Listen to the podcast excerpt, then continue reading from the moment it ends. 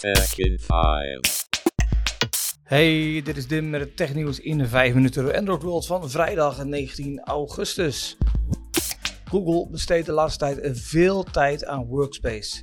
Het brengt in een rap tempo updates uit die van Google Workspace hun ideale samenwerktool maken. Persoonlijk gebruik ik al jaren Gmail, Drive, Docs en Sheets voor mezelf en ik werk sinds een jaar ook met Google Tasks. Deze to-do-lijst krijgt ook steeds meer functies binnen Workspace. Zo kun je nu binnen een Google Doc een to-do-lijst maken en daar gelijk diegene aan hangen die deze taak moet uitvoeren. Deze taak komt dan gelijk in zijn takenlijst van Google Tasks terecht. Deze kom je overal binnen Workspace tegen en hang er een datum aan en een tijd, dan kun je deze ook nog eens tegen in je Google Calendar. Ideaal. De redactie van Android World had een gesprek met de verantwoordelijke voor televisies binnen Xiaomi. Dit, brengt, dit bedrijf brengt van alles op de markt, waaronder nu ook televisies. Op papier zien ze er best vrij uit. Een Android TV van Xiaomi voor 249,99 euro. Het grotere 43-inch 4K model met Dolby Vision ondersteuning heb je dan weer voor 44999. Toch vroegen ze zich op de redactie spontaan af waarom de grotere modellen van de Xiaomi TV A2 niet naar Nederland en België komen. De meeste nieuwe televisies die hier worden uitgebracht hebben namelijk een veel groter formaat. Volgens Xiaomi is er geen interesse in de Nederlandse markt voor modellen met een groter formaat. Een gedachtegang waar ik overigens mijn twijfels bij heb. Het lijkt erop dat Xiaomi eerst op prijs de markt wil betreden met goedkope modellen. Ook hebben deze modellen nog een verouderde software van Android TV en geen enkel model heeft het nieuwe Google TV. Ook hier doet het bedrijf rustig aan en wil eerst de markt aftasten. Daar valt ook iets voor te zeggen.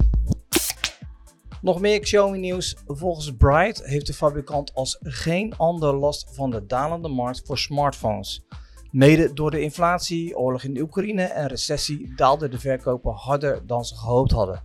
De omzet ging met 20% omlaag en de winst met 83%. Dat laat zien dat Xiaomi heel veel modellen heeft afgeprijsd om ze maar bij de consument te krijgen. Ook zegt Xiaomi dat de investeringen in autotechnologie niet meegeholpen hebben aan het bedrijfsresultaat.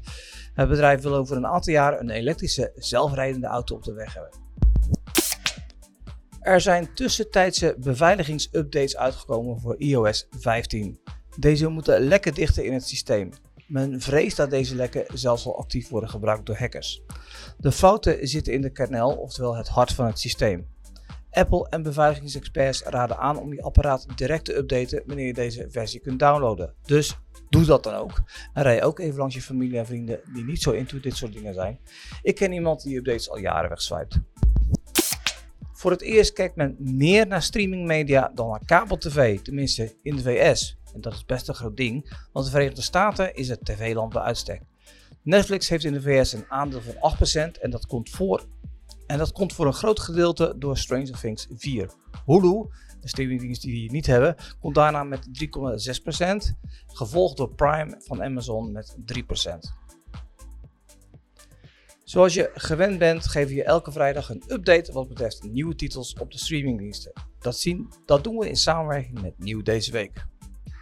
Op Netflix kun je vanaf deze week kijken naar het achtste seizoen van Brooklyn Nine-Nine, een serie over een politiebureau in New York met leuke en korte afleveringen. Daarnaast kun je ook kijken naar Donde Hugo Fuego. Als aanwijzingen voor de moord op zijn broer naar brandweerlieden leiden, sluit Poncho zich bij hen aan. Hij vindt daar romantiek, een familielid en een seriemoordenaar. Op Amazon Prime kijk je naar Shotkiller. Een familieman moet de cel in waar hij al snel de kneepjes van het gevangenisleven leert kennen. Hierdoor wordt hij als het ware tot een soort gangster getransformeerd. Zodra hij uit de gevangenis komt, wordt hij gedwongen om een grote en gewelddadige misdaad te plegen in samenwerking met een concurrerende bende. Op Disney Plus beleven we de première van She-Hulk. In She-Hulk Attorney at Law volgt de kijker Jennifer Walters, een 30-plus en single advocate die toevallig ook de supergrote en sterke hulp blijkt te zijn. Op Videoland kun je het leven volgen van Ronnie Flex.